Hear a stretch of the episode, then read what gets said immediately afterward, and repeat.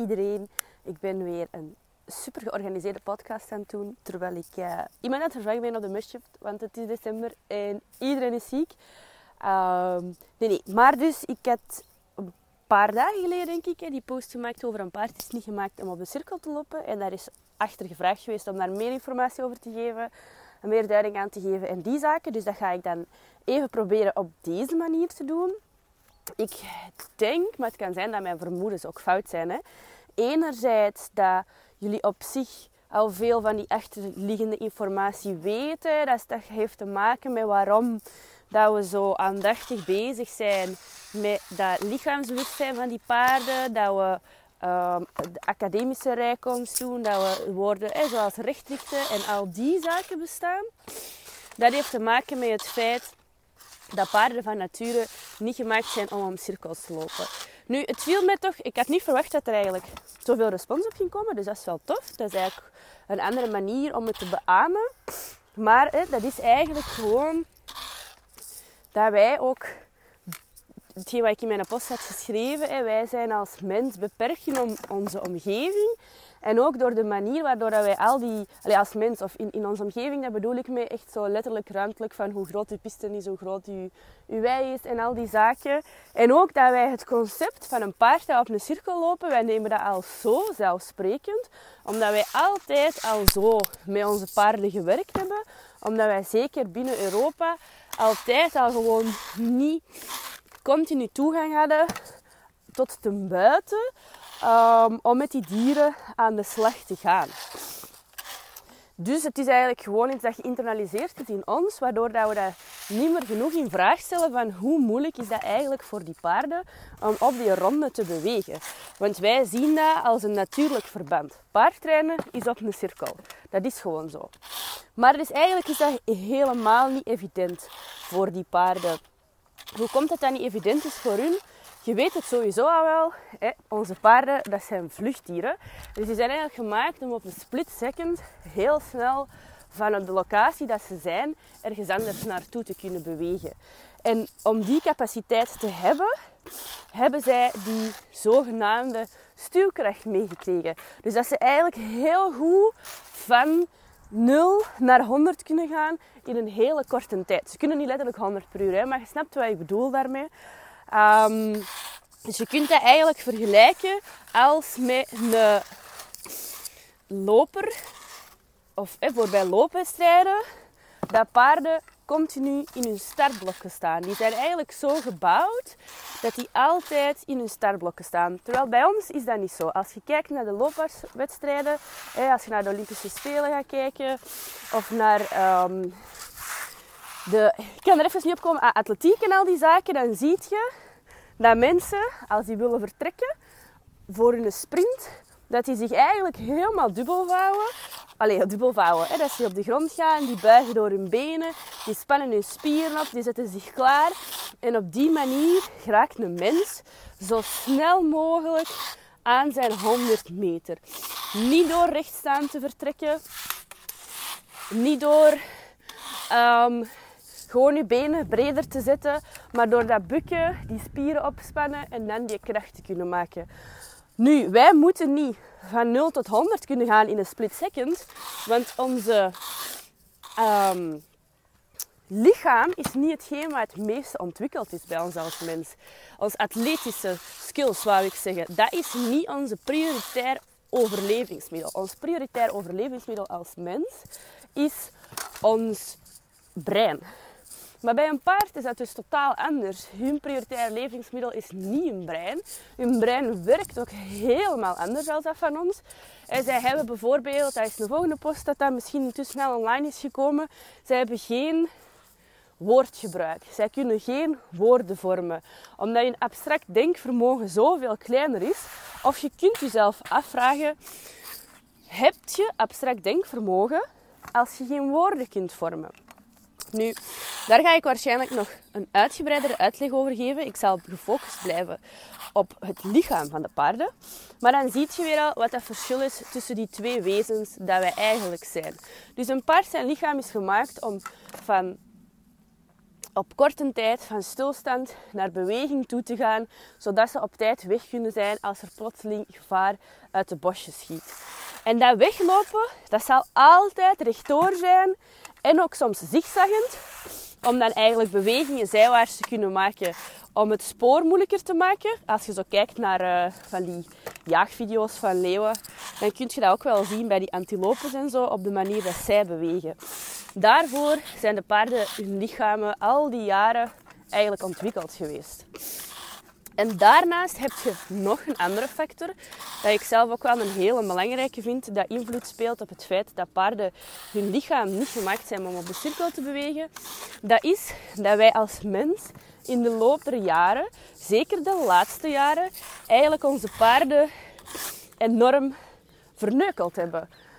Beetje letterlijk, maar het is gewoon zo. Wij hebben onze paarden verneukt. In de zin van, er zijn enorm veel paarden gefokt geweest, gecreëerd geweest op prestatie. Prestatie had dan vaak te maken met het hoogste kunnen springen, het snelste kunnen lopen, de meeste zweefmomenten hebben tijdens je dressuuroefeningen en al die zaken. Waardoor dat je enerzijds paarden hebt die enorm veel zweefmoment maken in hun draf en in de galop. Dus die eigenlijk ook enorm veel stuurkracht hebben. En anderzijds heb je ook paarden die echt een heel bijzonder karakter hebben, omdat ze in de loop der jaren eigenlijk daar niet op gefocust hebben. Het moest altijd meer en sneller en beter. Maar het moest niet per se braver, rustiger en stabieler. Dat, heeft ook, dat is de reden waarom dat als je nu een groep gewone recreatiepaarden bekijkt ten opzichte van een groep boerenpaarden die nog gemaakt zijn, nog niet zo lang geleden, hè, dat is nog maar nog geen honderd jaar geleden dat die nog in het werkveld stonden, die moesten wel betrouwbaar zijn, rustig en stabiel zijn om hun job te kunnen uitvoeren. Want hoe stabieler die bloedlijn was, hoe beter dat de, de boeren gewoon direct met die paarden aan de slag konden, hoe minder ongevallen dat er gebeurde. En je ziet dat dat gewoon totaal andere dieren zijn ten opzichte van degene waar wij mee aan de slag gaan. En dan heb je ook nog wel, naast aan die paarden dat gecreëerd zijn op prestatie, zijn er bijvoorbeeld in de recreatiewereld ook enorm veel paarden gefokt op kleur. Zo van die zaken. En ze zijn dan ze, bepaalde paarden worden samengevoegd in de hoop om een palomino eruit te krijgen, in de hoop om een buckskin te krijgen. Die zaken, waardoor dat is het toch een ander kleurtje. Die wordt dan snel even weer doorgegaan. Er wordt er nog een gemaakt en zo verder. En zo zijn er ook weer heel veel paarden samengevoegd. Die niet waarbij dat de um, atletische verhoudingen of de gezonde verhoudingen van het paard zijn lichaam en benen niet prioritair was. Dus je krijgt eigenlijk heel veel paarden die het nog moeilijker hebben om op de cirkel te bewegen. Ze zijn bijvoorbeeld um, die sportpaarden, heb je heel veel stuurkracht.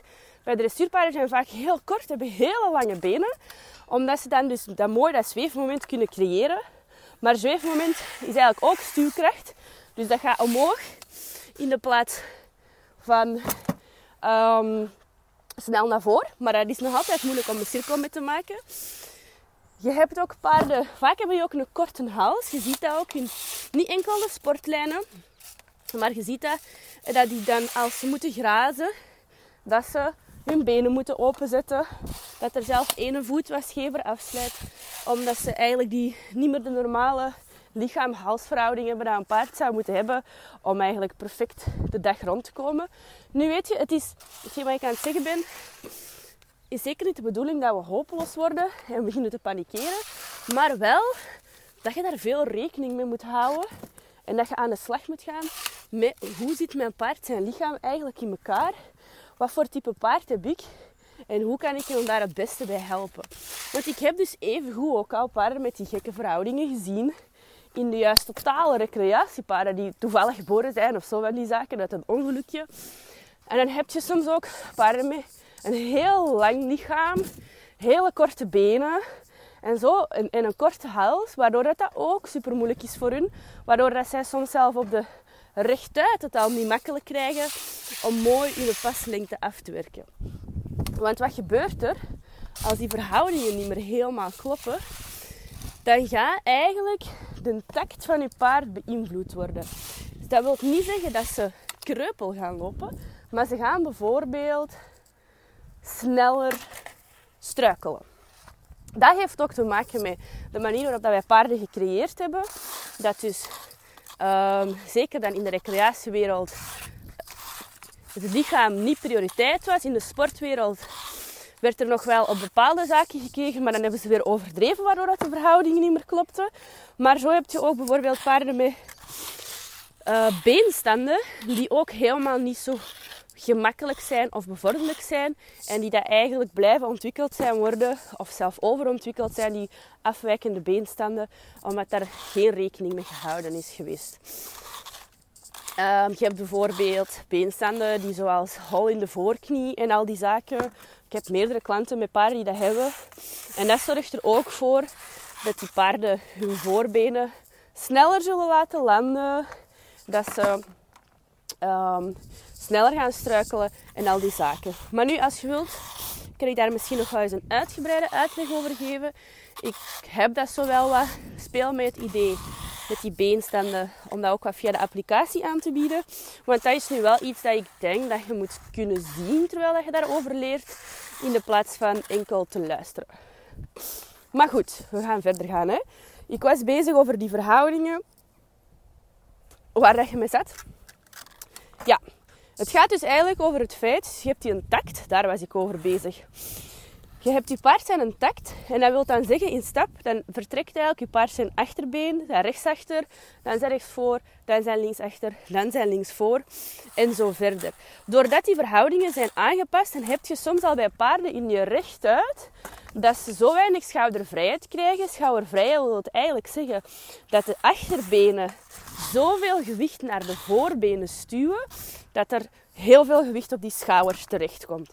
En dan kunnen die verhoudingen foutief zitten, waardoor dat paarden, als ze um, dus hun patroon rechtsachter, rechtsvoor gedaan hebben, dat dan linksachter, linksvoor komt, dat dat ritme niet meer klopt. En dat eigenlijk dat voorbeen te laat de grond gaat verlaten, want er staat zoveel gewicht op, meer als de bedoeling is, dat dat voorbeen de laat de grond verlaat voor of na dat het andere been ook al geland is geweest.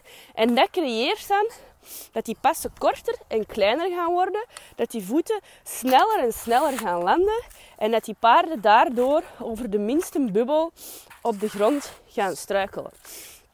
Dat is, beenstanden is één van de oorzaken. Je hebt ook heel veel paarden die bijvoorbeeld ook uw beenstanden van achteraan of de manier waarop dat de rug via het SI-gewricht overgaat naar de bekken, waarbij dat ze daar ook niet heel hard hebben op gefocust. Dus dat je heel veel paarden hebt die gevoelig zijn voor SI-problematieken. En voor die paarden is het ook moeilijk om dan vanuit achteren eigenlijk genoeg gewicht te dragen of zich genoeg te vertragen. Vaak is afremmen bij die paarden een heel groot probleem, omdat ze daarbij hun bekken dan omhoog duwen waardoor dat um, vertragen pijn doet. Nu, ze gaan niet altijd per se een bekken van nature omhoog duwen. Dat is dan een oorzaak en gevolg van dat mensen te veel geneigd zijn om te remmen van op, vanuit onze handen, vanuit onze teugels. Dat is omdat wij zo geconditioneerd zijn als mens. Dat wij alles met onze handen kunnen aansturen. Dat we dat onbewust toch gaan doen. Daar heb ik zo in uw paard te sturen leren nog een heel stuk over gebabbeld. Dus ik ga dat geen tweede keer zeggen. Maar daardoor gaan die paarden ook als ze vertragen eigenlijk hun bekken omhoog duwen. Komt dat in ziegewricht, komt daar druk op te staan. En dan is vertragen ook moeilijk voor hun. Dus wat gaan ze doen? Ze gaan altijd sneller en sneller hun pas zetten. Of ze willen hun voeten niet verplaatsen. Al die zaken komen daarbij. Nu, ik ben een beetje afgeweken op het vlak van de paarden hun lichaamsverhouding, uh, verhouding en hoe dat wij die gecreëerd hebben de laatste tijd. Maar dat, dat, is ook wel belangrijk om mee te nemen naar dat verhaal van de cirkel. Dus eigenlijk zijn onze paarden gewoon niet zo super handig gemaakt. Die zijn niet meer altijd gemaakt voor het werk waarvoor dat wij ze willen gebruiken.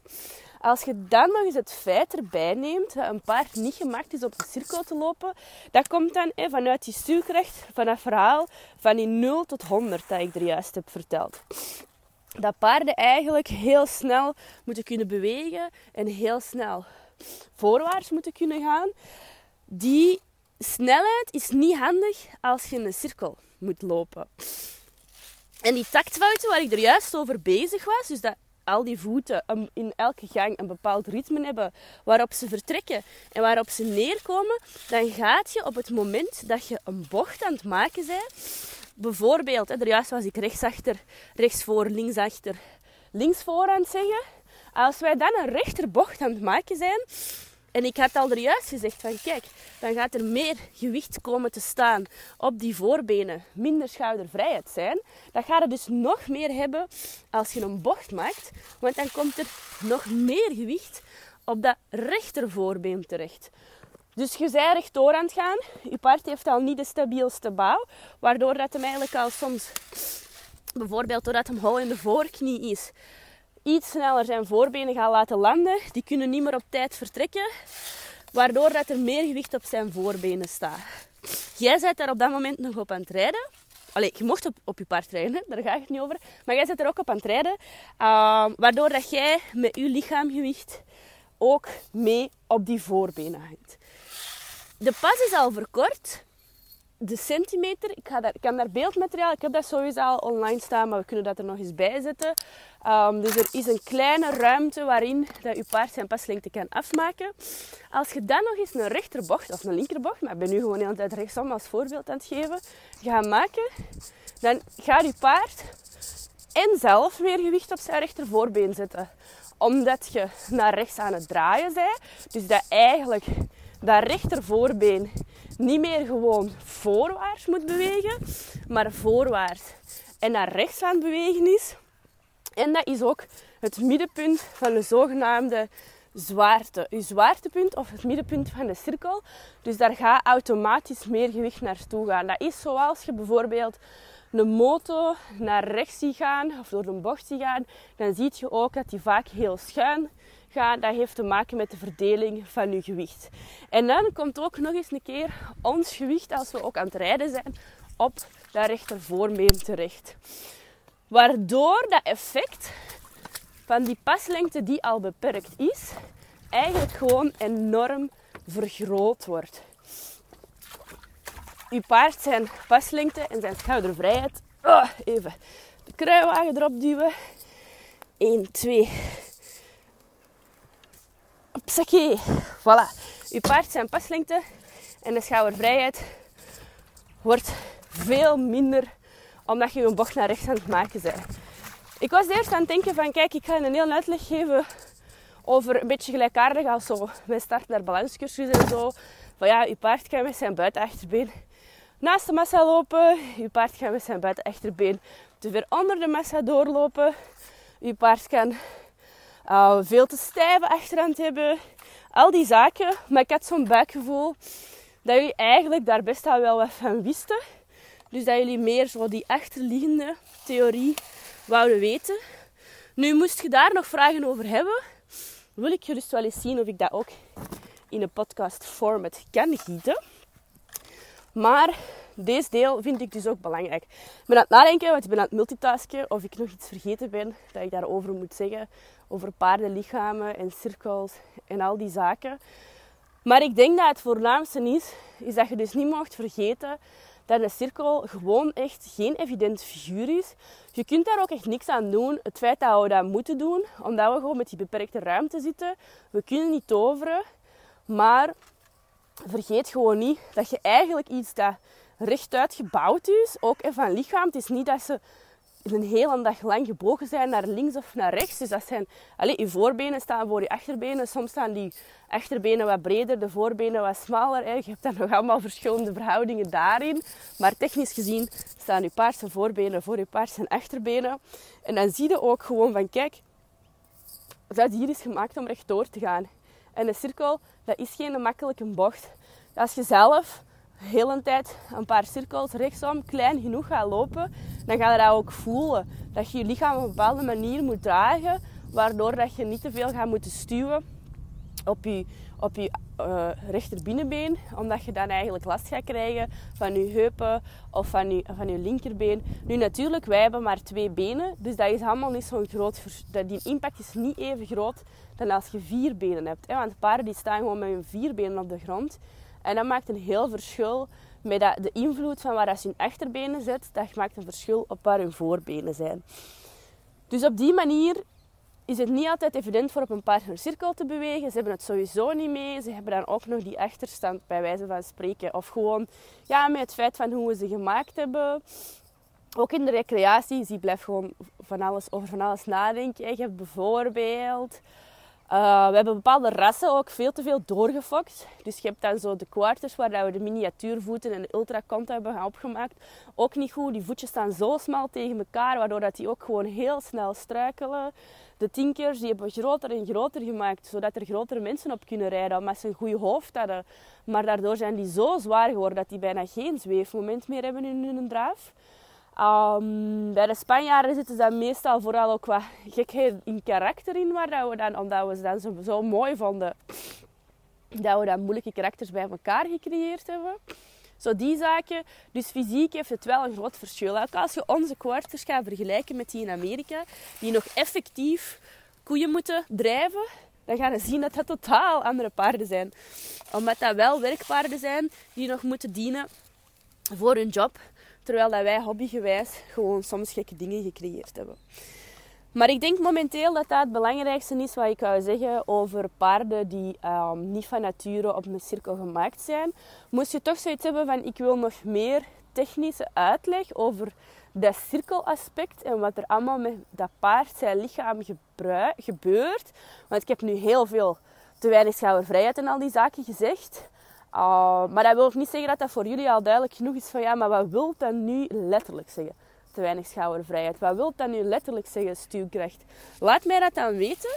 En dan weet ik van, oké, mensen hebben interesse om hier ook nog uitgebreid uitleg over te krijgen. En dan, dan maak ik dat ook gewoon. Dat is geen enkel probleem. Goed. Dikke merci dat jullie tot hier geluisterd hebben. Moest je het een interessante uitleg gevonden hebben, dan mocht je dat sowieso laten weten. Of de podcast delen uh, met anderen. Ik ben in elk geval al heel blij dat jullie naar mij hebben willen luisteren. Ik hoop dat het duidelijk genoeg was. Um, mijn uitleg terwijl ik de mist aan het schippen ben. Maar uh, tot een volgende keer.